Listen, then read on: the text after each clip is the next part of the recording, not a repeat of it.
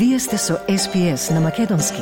Слушнете повеќе прилози на sps.com.au козацрта на Седонин. На SPS на Македонски јас сум Ана Коталеска.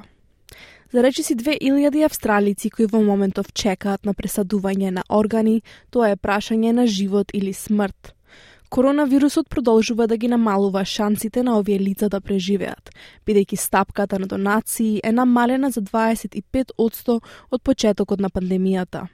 Од владината организација Донирај живот се обидуваат да го променат тоа и да охрабрат повеќе австралици да се регистрираат како донатори на органи.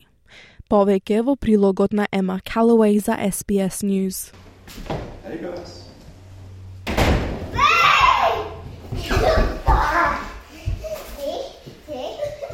Керките на Трент Джонс, 9-годишните близначки Вивиан и Сани и 5-годишната Јасмин секогаш се срекни кога тој пристигнува дома. За пет членото семејство од Мелбурн, животот се движи брзо. Помеѓу лекциите на јапонски и тренинзите во гимнастика и лакрос, Вивиан и Сани секогаш се заедно. Но како бебиња, тие го започнаа својот живот на различни начини. Нивниот татко вели дека на почетокот Сани изгледала поинаку, била пожолта, послаба и несрекна во споредба со нејзината близначка. The weeks after we got back home, I was like, she does look a bit different, you know. She's she's yellower, just you know, grumpier, skinnier, just not happy compared to uh, her twin Vivian. На возраст од само 6 недели, Сани била диагностицирана со ретка болест на црниот дроб. На Трент и на неговата сопруга Минак им било кажано дека на нивната керка и треба трансплантација за да преживее. We'd never heard of it. You know, you start learning Dr. Google and talking to people and mm -hmm. yeah, biliary atresia. It's like, what's that? And Билиарна атрезија е болест на црниот дроб кај децата, предизвикана од еден или повеќе жолчни канали кои се тесни, блокирани или одсутни, што резултира во акумулација што го штетува органот.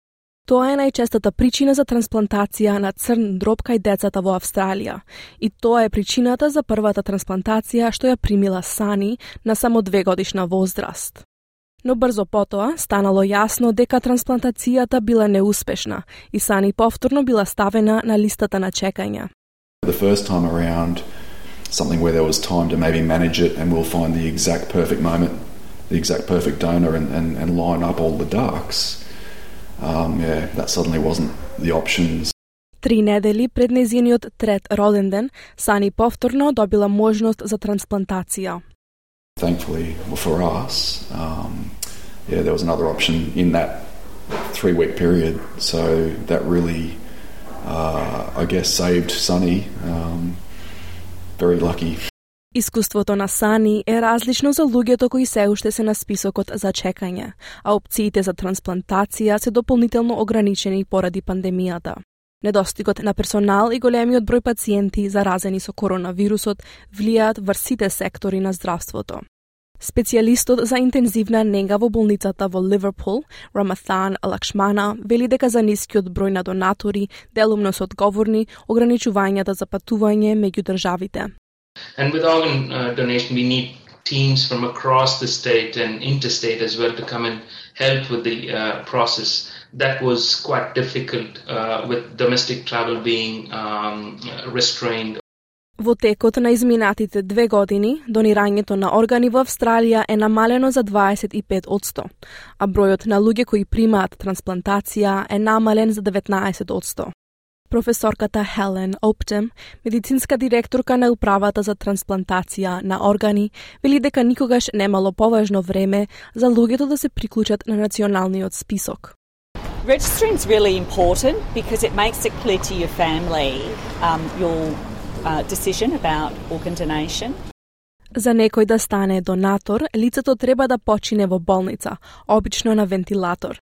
Само околу 2 од 100 од луѓето кои умираат во болница ги исполнуваат овие критериуми, што значи дека шансата дека ќе ви треба трансплантација во текот на животот е повисока од шансата да станете донатор на крајот на животот, објаснува докторката Оптем. We're all more likely to need an organ transplant than we are ever to be a donor. Uh, so it's really important if we want access to transplantation for ourselves and the people we love that we be willing to also be donors. Чекањето на списокот е добро познато за Икрам Ахмед. Страдајќи од бубрежна слабост, незиниот помлад брат Хусейн чекаше 4 години пред да ја добие трансплантацијата, што му го спаси животот. За 10 членото семејство од Мелбурн, еден утрински повик ја промени иднината на Хусейн. I just remember waking up to my mum just screaming so loud. And I just ran to where she was and I was just like, like, is everything okay? And she was just running to Hussein's room to kind of wake him up. And everyone was just crying out of pure excitement and happiness. Како сведок на проблемите со кои се соочи нејзиниот брат во болница, и Икрам се приклучи на списокот за донатори. Икран вели дека медицинските сестри кои го спасиле животот на незиниот брат ја инспирирале да ги следи нивните чекори. Таа вели дека сака да им помогне на другите, како што тие му помогнале на незиниот брат. I just wanted to do something for the Australian population that they've kind of done for my brother. I just help out other families the same way that we were all helped out because honestly, it was one of the greatest moments of our lives, knowing that he got a transplant, knowing that he has a great team taking care of him and helping him throughout this entire process. Во моментов, речиси 2000 австралици чекаат да добијат трансплантација на орган.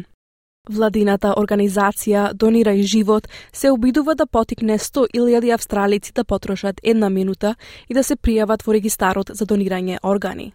За Тренти и Икрам, таа минута прави огромна разлика.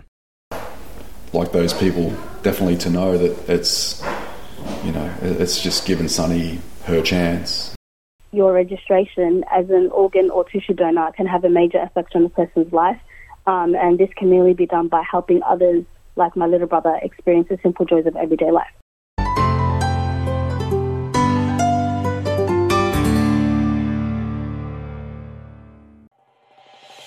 Сакате ли да чуете повеќе прилози како овој? Слушате подкаст преку Apple Podcasts, Google Podcasts, Spotify или од каде и да ги добивате вашите подкасти.